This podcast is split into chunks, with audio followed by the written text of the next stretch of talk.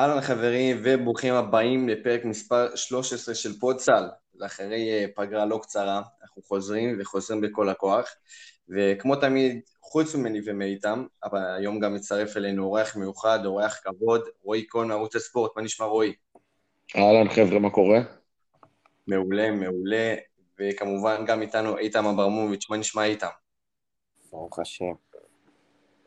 טוב לשמוע, אז בלי יותר מדי דיבורים מיותרים, אה, בואו ניגש ישר לדבר שאנחנו נעסוק בו היום, וזה כדורסל, וכדורסל ישראלי, ואיך אפשר שלא להתחיל פרק של כדורסל ישראלי עם מכבי תל אביב. אמ, אז לפני כמה שבועות מכבי כבר הודחה אה, מאירופה, ולמען האמת בעונה שעברה היה לה עונה מוצלחת, ולא ראינו שינויים כל כך משמעותיים, במיוחד בסגל, אז רועי, איפה אתה חושב היו ההבדלים בין העונה שעברה המוצלחת לבין העונה הזו המאכזבת? תראה, אני חושב שבמקרה של מכבי, אה, כמו גם במקרה של הפועל ירושלים, שאנחנו בטח תכף ניגע בו, אה, הוכח לנו שיש כזה דבר כמו, שנקרא המשכיות שהיא שלילית. בדרך כלל מדברים על המשכיות בספורט כדבר חיובי, שמאמן נשאר ושחקנים נשארים ושיטת המשחק לא השתנתה, וזה אמור להביא לתוצאות, כי אין את הקטע של לחבר את הקבוצה, וששחקנים צריכים להתאקלם, כל הדברים האלה אמורים להתקצר, אבל אנחנו ראינו שמכבי החליטה לעשות המשכיות ועשתה שינויים מינוריים, וכל שינוי מינורי שהיא עשתה, הוא היה שלילי, הוא לא, לא הצליח. ואם אנחנו נרד לרזולוציות, אז זה בעיקר העניין של ללכת מקו קדמי אתלטי מאוד של טאריק בלק וקווינסי אייסי, ובהמשך ג'יילן ריינולד, שאף אחד לא קלט ולא הבין שהוא הולך להתפתח להיות אחד הסנטרים הכי טובים באירופה, כולל אנחנו, אגב. אה, אז מקו קדמי כזה לג'יז'יץ' ובנדר, שהאנטר כבר בגיל מתקדם והוא לא יכול לתת מענה לבד, אז כל הדברים האלה מביאים אותנו ל... אה, בעצם למה שקרה למכבי העונה, שהיא הודחה מהיורוליג. לא זוכר מתי פעם אחרונה הסיפור של מכבי ביורוליג היה כמעט גמור עשרה מחזורים לסיום העונה הסדירה. אה, וזו סיטואציה לא פשוטה עבור מכבי.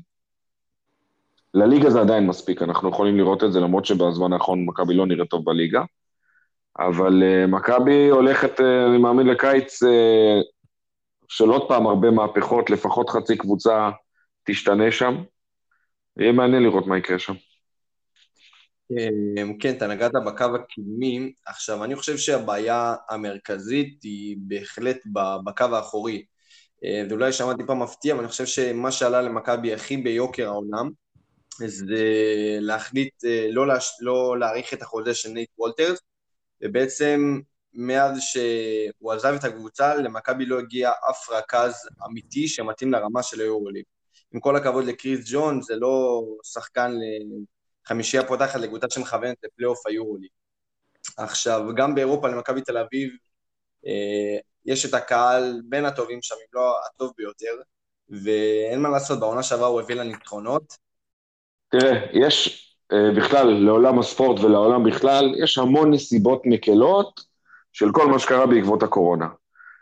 וזה, וזה נסיבות לגיטימיות, זאת אומרת, זה לא תירוצים, זה סיבות. נכון, מכבי נפגע מזה שלא היה קהל, ונפגע מזה שהתקציב ירד, אבל מכבי לא לבד בקטע הזה. אה, עוד קבוצות, גם בארץ וגם באירופה, לא שיחקו לעיני קהל, נכון שאצלם זה יותר אה, קריטי, אבל בשורה התחתונה, אם הקבוצה טובה, אם היא רצה טוב, אז לא החיסרון של הקהל הוא זה שיעיב אולי זה יכול לבוא לידי ביטוי בכמה משחקים, אולי משחקים צמודים, והיו הרבה כאלה למכבי שהפסידה, אבל בסופו של דבר מכבי לא מעפילה לפלייאוף של היורוליג בהפרש של הרבה מאוד משחקים.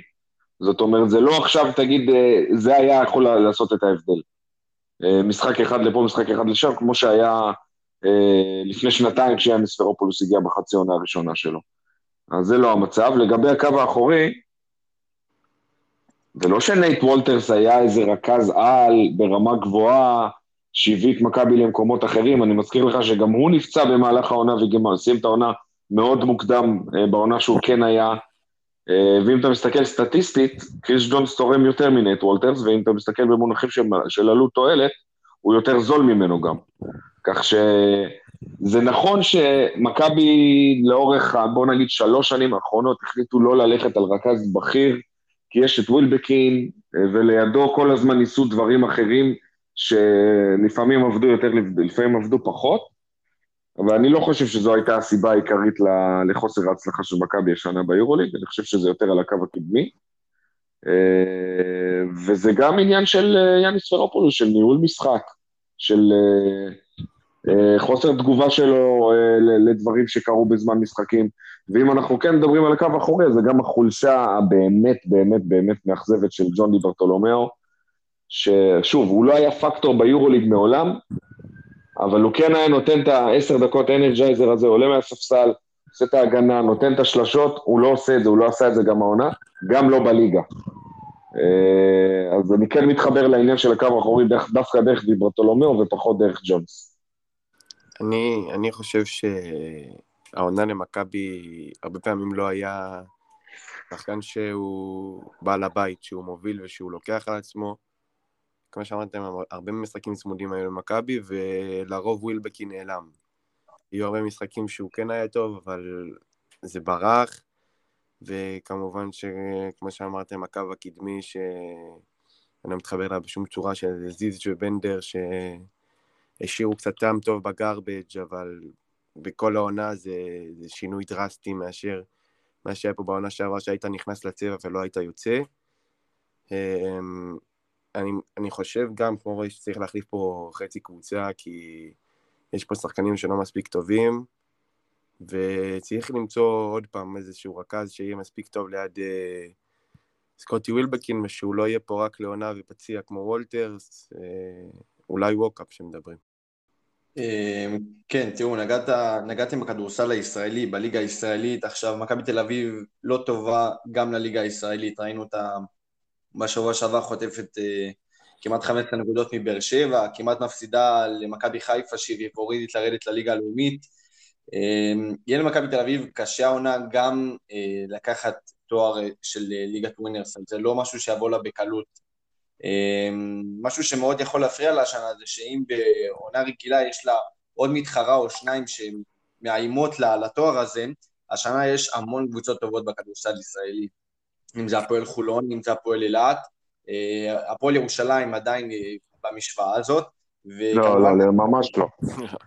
ירושלים לא במשוואה של שום דבר.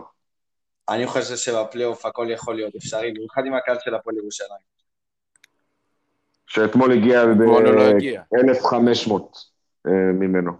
עזבו, אנחנו נדבר בטח תכף על הפועל ירושלים, אבל לפי דעתי אתה לא בכיוון. הם לא פקטור לשום דבר, והם לא קונטנדרים בשום צורה שהיא. אוקיי, אז לא הפועל ירושלים, יש לנו פה מספיק קבוצות טובות, בין אם זה גלבוע וגם ראשון לציון, שפתחו מאוד מאוד רע, אבל כמו שאנחנו מכירים אותם במאני טיים, הם יודעים להפתיע, וגם נס ציונה של לקחו את היורוקאפ אולם, זה לא קבוצות ש, שאני חושב שהן באמת מועמדות לקחת uh, את האליפות, אבל זה בהחלט לא קבוצות שיעשו למכבי תל אביב חיים קלים פה בליגה. יש איום אחד על מכבי העונה, וזה הפועל חולון. אה, הפועל אילת אחלה קבוצה וקבוצה נחמדה, אבל uh, אני מזכיר לכם שאנחנו בסדרות השנה, הרבע גמר זה הטוב מחמישה משחקים, ובגמר יש לנו הטוב משלושה משחקים, שזו אמנם סדרה מקוצרת, אבל זה עדיין סדרה.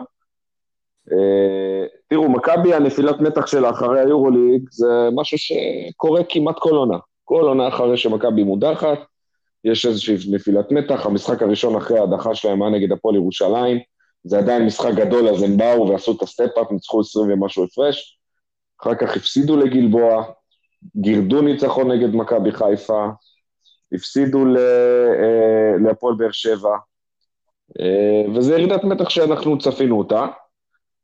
יאניס פרופולוס מתעקש ואומר שכשיגיע המאני טיים אנחנו נופיע, אני חושב שאצל מכבי זה עניין מנטלי, זה נטו עניין מנטלי. כי אמנם היא לא מספיק הייתה טובה ליורוליג, אבל היא עדיין מספיק איכותית ועמוקה כדי לקחת את האליפות כאן בארץ.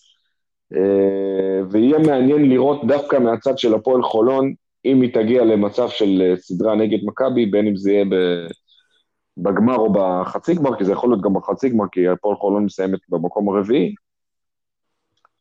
אה, יהיה מאוד מעניין לראות את, את השינוי המנטלי שחולון יעשו, אנחנו זוכרים את חצי גמר הגביע, הם הובילו 17 הפרש, בסוף הפסידו את המשחק הזה, עדיין למכבי יש את ה...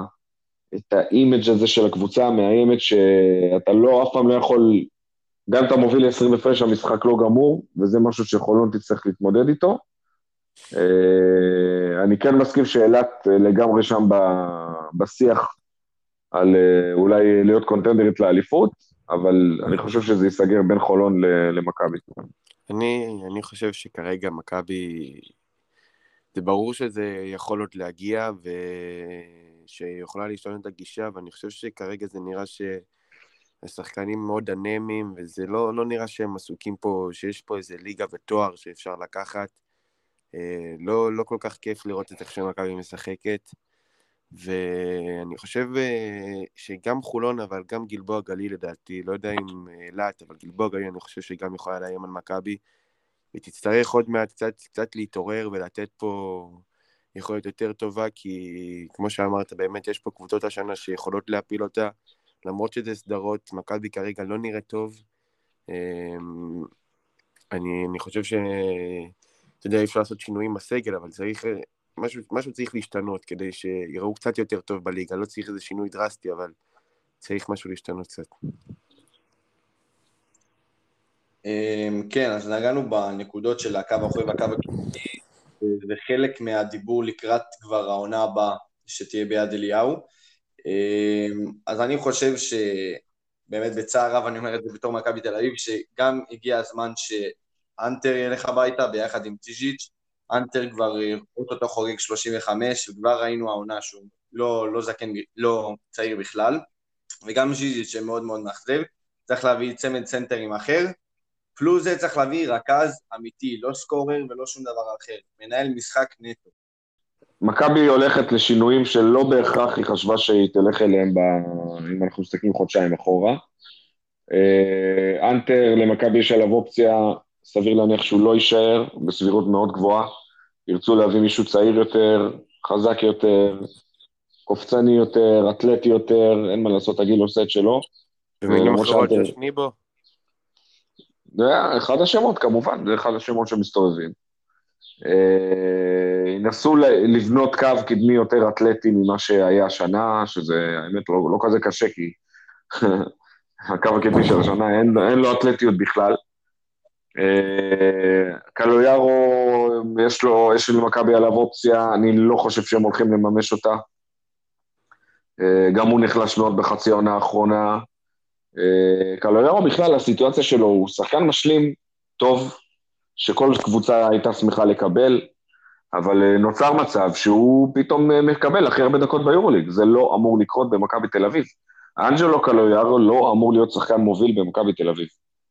ואם הוא יישאר כ role player, וגם בשכר של role player, ש, שיודע לעשות משימות מיוחדות, שזה מה שלשמו הביאו אותו מלכתחילה, אז אחלה, אבל כרגע זה לא קורה, ואני מאמין שישחררו אותו.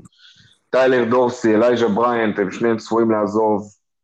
אה, ג'ון די ברטולומיאו, למרות שיש עליו חוזה, ומכבי מאוד מאוכזבים ומודאגים מהיכולת שלו, וינסו לעשות מהלך גדול על אה, נועם דוברת או על ים הדר במקומו. אה, כך שיש, יהיה, יהיה מעניין לראות מה יהיה במכבי בעונה הבאה. אה, כן, אז זה בעניין מכבי תל אביב, ועכשיו נעבור להפועל ירושלים, שזה סיפור אה, בפני עצמו, ורק על זה אפשר להקליט פרק שלם. שוב פעם אני אשאל אותך, רועי, מה, מה ההבדל, מה השם העיקרי בעונה הזאת של הפועל ירושלים? תראה, העונה של הפועל ירושלים זה מה שאנחנו אוהבים לקרוא לו אירוע מתגלגל. זאת אומרת, זה התחיל, אתה ראית את הניצנים של מה שהולך לקרות העונה כבר במש, בעונת הקורונה של עונה שעברה. שניסו לשמר כמה שיותר את מה שהיה, ושדקובן בראון וטיישון תומאס הגיעו, ואז החליטו שהם לא יכולים להישאר פה ועזבו. זו כבר נורת אזהרה ראשונה שהייתה צריכה להגיד לאנשים בירושלים, שהחבר'ה האלה, או שהם לא מחויבים מספיק, או שהם מיצו את עצמם במועדון אחרי שנתיים, וצריך אולי להחליף. אה, אני מזכיר לכם שגיא הראל בריאיון שהוא נתן להרלה וייסברג בוואלה לפני חודשיים בערך, אמר שהם ישבו בקיץ, ועודד קטש אמר שהוא חושב שצריך לבנות הכל מאפס, כי הם לא יצליחו לשחזר את מה שהיה, אבל ברגע שהייתה אפשרות כלכלית להשאיר שחקנים שהם כל כך אוהבים וכל כך מכירים, הם פשוט נפלו לקונספציה הזאת ו... ושימרו את כל מה שהיה אפשר, וזה התפוצץ להם בפרצוף. אם למכבי, למכבי זה התפוצץ בפרצוף רק ביורוליג, אז להפועל ירושלים זה התפוצץ בפרצוף בכל פלטפורמה שהיא. בחדר ההלבשה, על המגרש, הדחה מאירופה, אובדן הגביע, אפילו הדחה מהבלקנית. וכמובן, כמובן הסיפור של השנה בעיניי, שזה העזיבה של קטש, שברגע שאתה הולך ואתה משאיר סגל שהוא כל כך מזוהה עם הכדורסל של קטש ועם האופי של קטש, וברגע שהוא עוזב ואתה מביא מאמן כמו אדומייטיס, וזה לא הולך כי הוא דורש יותר מהשחקנים, והאימונים שלו היו שונים לגמרי ממה שקטש היה רגיל לעשות, והשחקנים פשוט מהרגע הראשון לא התחברו אליו, כך שיש פה כל כך הרבה אירועים, כל כך הרבה אירועים שהובילו לכך שהפועל ירושלים היא קבוצה, אם אתם שואלים אותי, להוציא את עירוני נהריה הכי גרועה בליגה היום, אין פה בכלל שאלה. יותר ממכבי חיפה, יותר מבני הרצליה ויותר מהפועל תל אביב שמתמודדות על הירידה. הפועל ירושלים היא הקבוצה הכי גרועה בליגה למעט עירוני נהריה. והיא לא מצליחה לנצח, לא מסוגלת לשחק זמן לאור... לשחק טוב לאורך זמן, לא בתוך משחק ולא לאורך תקופה של זמן.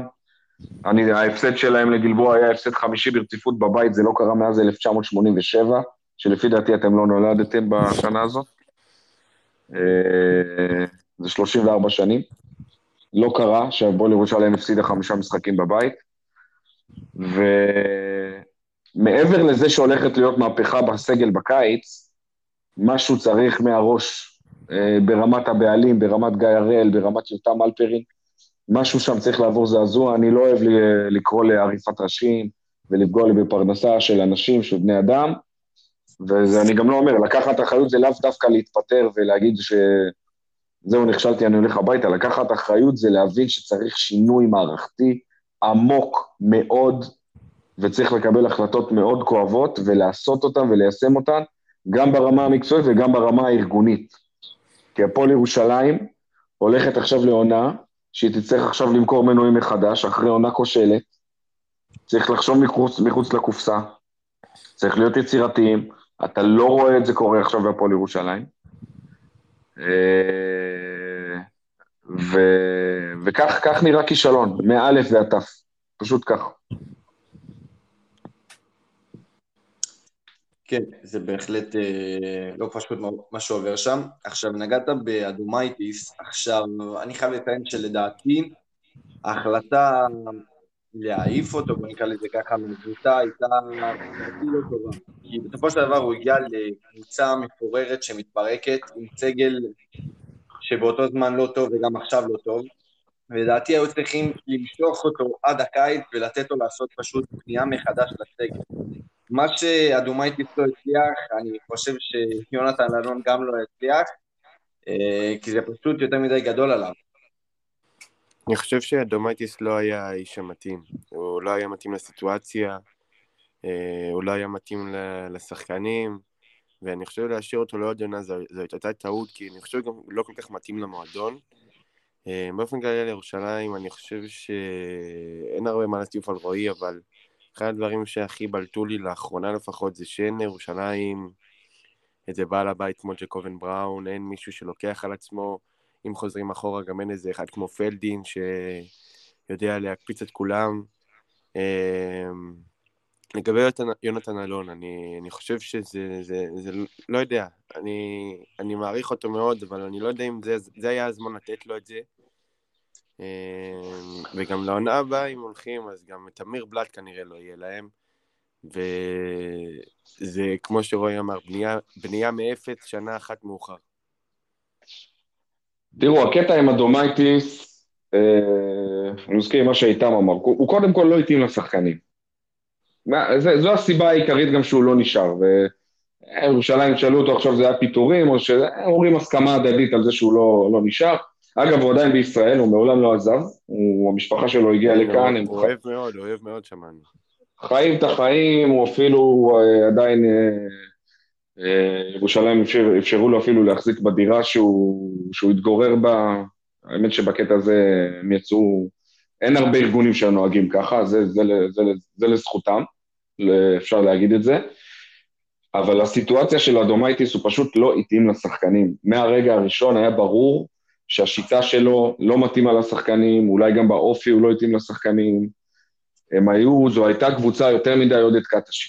אה, ואני חושב שהדבר הנכון, אנחנו אומרים זה כמובן בדיעבד, אבל אולי הדבר הנכון היה לדלג על השלב של אדומטיס וישר לתת ליונתן אלון, כי הוא הרבה יותר מזוהה עם השיטה של קטש, הוא הכיר את השחקנים, הכיר את הסיטואציה, אם הוא היה מקבל את הקבוצה הזאת אולי שלושה חודשים קודם, יכול להיות שהיינו עכשיו מדברים בצורה קצת שונה. ואני כן מתחבר מאוד למה שאיתם אמר ברמה המקצועית, אין פה שום שחקן, אפילו לא אחד, שאתה יכול להגיד שהוא יכול לקחת על עצמו. שעכשיו יזיז הצידה, יעשה איזה תרגיל לסוליישן ויקח את הכדור לסל, או ייקח את השלשה, כולם משחקים לרוחב, כולם משחקים מסביב, מה שנקרא, אה, וזה בולט. זה, אבל זה, זה אנקדוטה מקצועית ללמה הקבוצה לא טובה, אבל יש, שוב, כמו שאמרנו, יש פה ברמה הארגונית, יש פה ברמה המקצועית, חריש מאוד מאוד עמוק שצריך לעשות, אה, וכמו שאמרתם, שנה אחת מאוחר מדי, אבל צריך לעשות אותו. אתה חושב שיש מצב ש... שיונתן אלון ימשיך לעוד עונה? לא. רק אם הוא ייקח אליפות, אבל זה לא יקרה. נו, בדיוק, בגלל זה אני חושב שהפיטורים של אדומייטיס הם לא היו טובים, כי אני לא חושב שהם יוכלו למצוא אה, בקיץ מאמן שהיה ברמה של אדומייטיס. אה, אתה מדבר על מאמן זר? מאמן זר, כן. אוקיי, אז אה, כי אתה יוצא מנקודת הנחה שהם ירצו בהכרח מאמן זר. אם אתה שואל אותי, בנקודת הזמן הנוכחית, זה הולך להיות בין גיא גודס לבין אורן עמיאל. אני חושב ש... אני חושב שכן, יש עדיין, אה, אני יודע שגיא הראל, הנטייה, הנטייה שלו יותר כן ללכת לכיוון המאמן הזר, אבל גיא גודס מסיים חוזה במכבי ראשון. אה, אני חושב שהוא יכול להיות התאמה מצוינת להפועל ירושלים, הוא, הוא, הוא עשה דרך, הוא עשה כברת דרך מאוד ארוכה כמאמן, ואני חושב שהוא ראוי לקבל את הקדנציה השנייה בירושלים, ואורן עמיאל זה דמות שבירושלים מאוד אוהבים, אבל צריך לקחת בחשבון משהו מאוד מאוד חשוב. הפועל ירושלים בעונה הבאה לא יכולה להמר על שום דבר. לא על שחקנים, לא על מאמן, לא על, על כלום. הם חייבים ללכת על בטוח, הם לא יכולים גם להרשות לעצמם, גם ברמה הכלכלית, להיכנס לעוד הרפתקה של להחליף עוד שחקנים ועוד מאמן, לא יכול לקרות. זה לפני שדיברנו על העניין של אה, החובה לייצר עונה מוצלחת, אחרי עונה כזאת. ואם הפועל ירושלים רוצה לא להמר, היא תיקח את גיא גודס. ואם הפועל ירושלים רוצה לא להמר, היא תיקח את גיא גודס, ותביא סביבו שחקנים שהיו בליגה, יודעים מה הם יכולים לתת. לפי דעתי זה הכיוון שהקבוצה הולכת אליהם. ואם אנחנו מכניסים X factor אחד נוסף, אה, נועם דוברת במכבי ראשון לציון, גם בירושלים מאוד מאוד עוקבים אחרי מה שקורה איתו. כל הסיטואציה החוזית איתו, אה, בראשון טוענים שאין לו אפשרות יציאה לצאת לקבוצה ישראלית. בצד של נועם דוברת טוענים שכן הוא יכול לצאת לקבוצה ישראלית. לא מן הנמנע שהוא ילך לאיפה שגיא גודס ילך. וזה יכול להיות, וזאת יכולה להיות נקודה מאוד קריטית בהחלטה של ירושלים, אם להביא את גודס או לא. אבל גם בעיקרון אורן עמיאל הוא גם, אה, אולי בלי ניסיון פה בליגה, אבל ליגת האלופות הוא כן, אה, יש לו את זה, והוא הוכיח כמה פעמים. אני כן מסכים שגודס יותר מתאים לעכשיו, כי זה נותן לך איזשהו ביטחון לליגה, כי הוא עושה את זה והוא יודע. ואני חושב שגם אורן עמיאל טוב, אבל מה שאני לא חושב שירושלים צריכה ללכת על מאמן ישראלי, כי מאמן זר, כבר ראינו כמה פעמים שזה פשוט לא מתחבר אצל ירושלים. מה שאני שואל זה כמה שחקנים לדעתכם מהסגל הנוכחי של הפועל ירושלים ימשיכו לעונה הבאה, אם בכלל. אפס. אפס. לא, אני לא רואה שחקן שממשיך. אה, לא, אולי, אולי, אולי אדם אריאל. אדם אריאל. אולי, אולי, אולי בריימו, אבל אני לא... אני חושב שזה יהיה נכון פשוט. בריימו זה בסדר, אוקיי. עד, עד אמריאל שחקן בית והוא נותן עונה טובה, למרות שבחודש חודש וחצי האחרונים הוא שוב חזר לא לקלוע. אה, אבל בסבירות שהוא יישאר כי הוא שחקן בית וישראלי וצריך את השלד הישראלי. אז אוקיי, אז בריימו מבחינת מספרים היחידי שתפקד השנה, זה לא אומר שזהו, שהוא צריך להישאר בגלל זה. הם צריכים להחליף הכל. אין, זה לא זה תלוי רק בירושלים. זה אף פעם לא תלוי בשחקן, זה תמיד תלוי בקבוצה. הם צריכים פשוט להחליף את הכל. טוב, ומסיפור אכזבה אנחנו נעבור לסיפור הצלחה, אה, להפועל חולון, שהעונה כבר הספיקה לזכות אה, בגביע וגם אה, הספיקה לזכות בליגה הבלקנית, וביום חמישי היא תתחיל את טורניר הפיינלט שלה בליגת אלופות, אחד מהקמפיינים האירופאים היותר טובים שקיבלנו מקבוצות ישראליות, ואין ספק שהקבוצה הזאת היא אחת מהקבוצות הכי חזקות השנה בכדורסל הישראלי, אם לא הכי חזקה. אני חושב שכן, שלהפועל חולון יש השנה סגל מיוחד. אמ, יש לה, למרות, אתה יודע, הרבה דברים, אה, לוז מטורף וכל התירוצים ש, שמביאים שם על זה, יש שם גרעין שהוא מאוד מאוד איכותי של זרים ושל קבוצה שלוחמת, וזה נראה שכל כל מה ששמים להם הם מצליחים לעבור מעל זה. דדס הוא פשוט בול מתאים לטמפרמנט של המועדון הזה, וזה כיף גדול לראות את מה שהם עושים השנה, ויש להם אמנם משוכה הרבה יותר גדולה ממה שהייתה להם כל העונה עכשיו, שזה בורגוס, אמ, אבל יש להם חבורה של לוחמים ש... שקשה, קשה להמר נגדם. הפועל חולון עשתה כל מה שהיא צריכה לעשות בצורה מושלמת. זאת אומרת, היא הצליחה להפיל לראשונה משלב הבתים, אף אחד לא ציפה שהיא תעלה לפיינל 8 והיא עשתה פיינל 8. הריצה שלה בבלקנית זה גם אה, כמובן אה, משהו ש, ש, ש, ששמחו לראות אותו. אה, אני לא חושב שהם יכולים להתקדם יותר מבורגוס בפיינל 8 הזה, אבל כמו שאמרתם, זו קבוצה שיש בה משהו כל כך מיוחד ומאוד קשה להמר נגדה. כך ש... כאילו, לא הייתי מהמר נגדה מצד אחד, מצד שני, קשה לי לראות אותם אה, באיכות ובעומק מתחרים מבורגוס, שהיא, אני מזכיר לכם, היא מחזיקה את ה-BCL. אה, ואם אנחנו מסתכלים אפילו יותר קדימה, גם אם הם אה, עוברים את בורגוס, הם יפגשו בחצי גמר את טנריפה, שזה באמת סיפור אחר, כי טנריפה, לפי דעתי... טנריפה כרגע גם יותר חזקה מבורגוס. טנריפה הכי חזקה במפעל, והיא הולכת גם כנראה לזכות בו. אבל אה, חולון באמת עשו את שלהם בגדול, ואני לא חושב שיש מישהו שיתאכזב מזה שהם הולכים, אה, אם הם אה, יודחו כבר בשלב הראשון של ה-Final 8, אני לא חושב שמישהו אפשר, שמישהו יכול להתאכזב מהדבר הזה.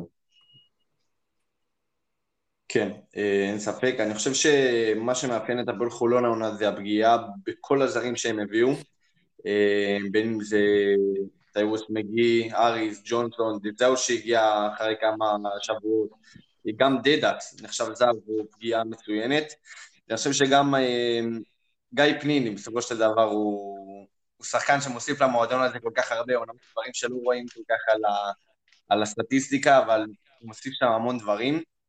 אה, וכמו שרועי אמר, לצערי גם אני לא רואה את אה, הפועל חולון ממשיכה עוד שלב בפיינל כי באמת, אה, עם כל הכבוד להפועל חולון, בורגוס זה בורגוס, והיא פשוט יותר מדי גדולה עליה. אה, אני חושב שיש עוד איזה אחראי אחד להצלחה, אני לא יודע אם זה, זה ממש אחראי, אבל הנקודה שרצו ולא החליפו את טיירוס מגי, שזה היה יכול לשנות הרבה מאוד בעונה הזאת של הפועל חולון. Uh, עכשיו שמסתכלים אחורה, אני, אני חושב שהם לוקחים הרבה אוויר ואומרים, מזל שלא עשינו את זה. כן, אז זה בעניין אה, הפועל חולון, ועכשיו uh, נעבור לקבוצה שכבר הספיקה לזכות בגביע האירופי, וזה עירוני נס ציונה, שרועי, כמו שכבר אני ראיתי בטוויטר שלך, זה היה אחד מהרגעי שלך בקריירה.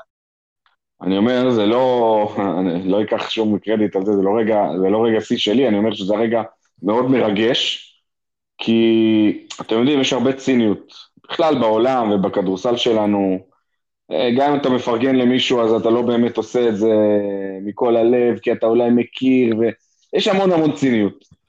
ובסיפור של נס ציונה אין ציניות. זו קבוצה שלפני 16 שנה היא קמה על חורבותיה של אה, הפועל ראשון, של הפועל נס ציונה.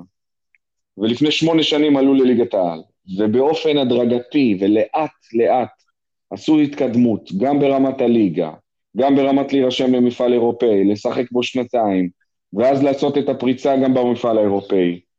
אתה מסתכל, אתה אומר, אוקיי, מועדון שבונה את עצמו, איך, שמכב, איך שארגוני נס ציונה עשו, זה סוג של מודל, כי באמת בצורה שקטה ועם סבלנות, ולאט לאט לבנות קהל אוהדים וקהילה, אה, וכל הדברים האלה אומרים, אתה, אתה רואה את ההצלחה הכל כך אה, מרגשת הזאת, אתה אומר, אין פה ציניות, אין פה, זה באמת כיף לפרגן לקבוצה כזאת. אה, ואני גם ראיתי את כל החבר'ה שניסו להפחית מה, מהמפעל ולהגיד, זה רק, רק שמונה משחקים, זה לא רציני. אוקיי, תרשו לי לא להתחבר לזלזול הזה, כי תואר אירופי זה תואר אירופי, זה מפעל של פיבה, היה פה קורונה שקיצרה את התואר הזה, אז בגלל זה זה גם היה כמות מועטת של משחקים. לא הכל זה היורוליג, לא הכל זה רק הרמה הכי גבוהה שיש, יש גם דרגו, דרג, דרג, דרגי ביניים, ויש דברים באמצע, ואני חושב שמה שקצת מעיב על זה, זה העובדה שנס ציונה כן סיימה בפלייאוף התחתון אצלנו, ויכול להיות שהיא לא תעפיל לפלייאוף בכלל, שזה קצת מעיב וזה אולי גם קצת, קצת שם בפרופורציה את ההישג שלהם, אה, אבל אין ספק שזה אחד הסיפורים הכי גדולים בעונה הזאת, זה עירוני נס ציונה. אני, אני גם מסכים איתך, אני חושב שאסור, לא, לא צריך לזלזל במה שנס ציונה עשתה פה, כי העונה הזאת הייתה די קצת קצרה, והמפעל הזה ברמה גבוהה הוא לא, אבל היו פה שני שלבים כאלה שלא שיחקו בארץ, וזה קשוח, זה היה... זה לא היה, לא היה קל, למרות שהם צלחו את זה בצורה מדהימה, לפחות את השלב השני שהיה בהולנד, אם אני לא טועה, אה, שהם צלחו אותו בצורה מדהימה, ואחרי זה שבאו לפה, וצלחו שלב אחרי שלב בצורה גדולה, ואחד הדברים ש... שאותי הכי, הכי שמחו לראות בפיינל פור לפחות, זה שלושת הזרים, או אפילו שניים, שניים וחצי עם טל דן, שזה ליאור קררה ונמרוד לוי, שנתנו בו באמת שתי משחקים גדולים.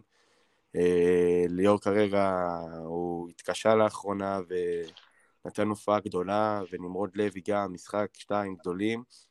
אה, כמו שהוספת, שהפספוס הזה בליגה הוא, הוא קצת אה, גם שם בפרופורציות וקצת פספוס, אבל אני חושב שהם כן יכולים בסוף לעלות לפלייאוף ולנסות להציק. אמ, כן, האמת שאני חושב שהזכייה של נס ציונה, יש בה המון המון דברים שהם לא כדורסל. אמ, אני רק חושב על ילדים צעירים שראו את, המשחקים ורואים את טל דן אה, כל כך מקריב מעצמו, משחק במצב אה, עם שתיים וחצי איברים, ובאמת רואים את ליאור קררה ונמרוד לוי במשחק הגמר לוהטים ומביאים לנס ציונה את האליפות של היורופ קאפ. עכשיו גם אני חושב שיש פה משהו בעניין הזה ש... שקבוצות ביניים בכדורסל הישראלי, הן כל הזמן מחפשות את ה... בוא נקרא לזה עניינים ל... ל EuroCup, ל EuroCup, סליחה, אה, לליגת אלופות. חושב שנס ציונה עשתה פה מהלך טוב, הם נרשמו למפעל לא כל כך גדול, אבל בסופו של דבר הם הצליחו לייצר מזה משהו גדול.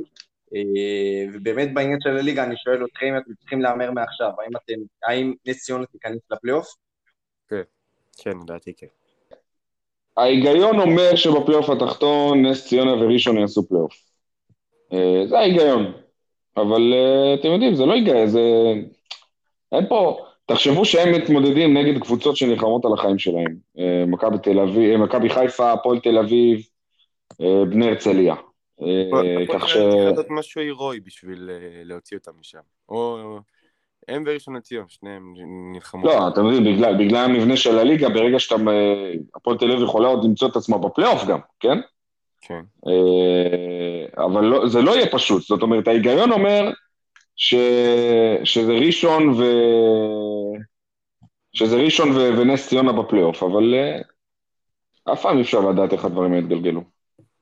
כן, האמת שאני הולך עם איתן, אני חושב שגם ייכנסו לפלייאוף, אבל אה, עכשיו לגבי העונה הבאה, האם אה, שלושת הזרים המובילים, שהם אנגולה, סלדן ומילר, האם בעקבות הזכייה יש להם רצון להמשיך להישאר בקבוצה ולהתקדם איתה? תראו, זה ביזנס. אה, אי אפשר לצפות מאף שחקן זר, גם לא ישראלי, אבל ישראלי אתה רואה טל דן ושחקנים שאולי קצת יותר מתחברים. אי אפשר לצפות מאף שחקן זר אה, לרצות לצמוח יחד עם הקבוצה, זה קורה במקרים מאוד נדירים. זה ביזנס, אה, בריאן אנגולה בתור הקלעי המוביל של הקבוצה הזאת, ירצה לשדרג את עצמו כלכלית ומקצועית, וכנ"ל ווין סלדן, ש... לפי דעתי, לא בצדק ניתן לו תואר ה-MVP של ה Final 4, זה צריך ללכת לנמרוד לוי, אבל זה משהו שהוא מוסיף לרזומה שלו וזה יהיה שווה כסף בחוזה הבא. אה, כך שאי אפשר לצפות משחקנים זרים שירצו להמשיך את ההצלחה. אה, וגם תראו, גם צריך לא לתת אה, להצלחה של נס ציונה באירופה קצת לשקר, כי בסופו של דבר, אה, יש לא מעט בעיות מקצועיות לנס ציונה. זאת אומרת, אם אתה מסתכל על פטריק מילר למשל, שזה שחקן שאני מאוד אוהב והוא חודר מצוין, אבל זה שחקן בלי כליאה בכלל. וזה משהו שפגע מאוד בנס ציונה בליגה, ואנחנו, וצריך לזכור את זה. להחזיק רכז שמשחק 20 ומשהו דקות בפחות מ-30 אחוז לשלוש, זה חיסרון, זה לא משהו ש... זה משהו שצריך לתקן אותו גם. כך שזה לא, ההצלחה הזאת, הסיפור הזה של נס ציונה הוא לא ערובה לשום דבר. אני כן חושב שהם כן ינסו לשמור על בסיס מסוים, אה, כי הבסיס הוא טוב. אני, אני חושב שאם מישהו יישאר זה מיאנסי, כל השאר קשה לי לראות נס ציונה ממשיכים איתם. אה, לגבי סלדן ג'וניור, אני, אני גם מסכים שהוא היה צריך לקבל את ה-MVP, אבל זה שחקן שנראה לי קצת אה, לא, לא, לא, לא שייך לרמה הזאת. ואתה חושב שרועי אולי הוא מועמד למכבי תל אביב במקום דורסי ובריינט? לא, לא, בשום צורה. בשום צורה. אני... תראה, מה זה לא שייך לרמה הזאת? אתה צריך להסתכל על נס ציונה כמכלול. אתה לא ראית... וויין סלדן, אם אתה מסתכל על המספרים שלו, הוא מאוד לא יציב. אתה לא ראית... שוב, אני מסתכל על הליגה כי זה הרפרנס שלנו. אה, לא, לא, לא ראית יציבות בליגה או, או איזו יכולת יוצאת מן הכלל, שאתה יכול להגיד אה, שסלדן הוא רמה מעל הליגה, או שהוא פתאום ישר לקשור אותו למכבי תל אביב, זה לא, לא, זה לא רציני, זה לא שם, לפי דעתי. אמ, כן, רועי, אתה נגעת בנקודות ש... שזה מקרים מאוד נדירים שהם רוצים בהצלחת הקבוצה שתתקדם, אבל מצד שני, אם עירוני נס ציונה תקבל הזמנה לליגת האלופות בעונה הבאה, יש פה גם עניין של אה, הצלחה אישית של כל אחד מהשחקנים האלה. אז קודם, קודם כל נכון. אה, כדי שנס ציונה תשחק בליגת האלופות, היא צריכה אולם שהוא ברמה של ליגת האלופות. האולם של נס ציונה אה, לא ברמה. אה, היא לא יכולה לארח משחקי ליגת האלופות אה, באולם הנוכחי. אז אה, נכון, אני מסכים איתך שזה סוג של שדרוג עבור השחקנים עצמם, אבל מסתכלים בעיקר על שדרוג כלכלי, ולא בטוח שנס ציונה יכולה להציע להם שדרוג אה, כלכלי לעונה הבאה, גם אם היא תשחק בליגת האלופות. עד כאן חברים, פרק מספר 13 של קבוצל. תודה רבה לרועי כהן שהתארח כאן, היה לנו לעונג. תודה רבה לכם שאירחתם אותי, והיה כיף מאוד. שיהיה בהצלחה חבר'ה.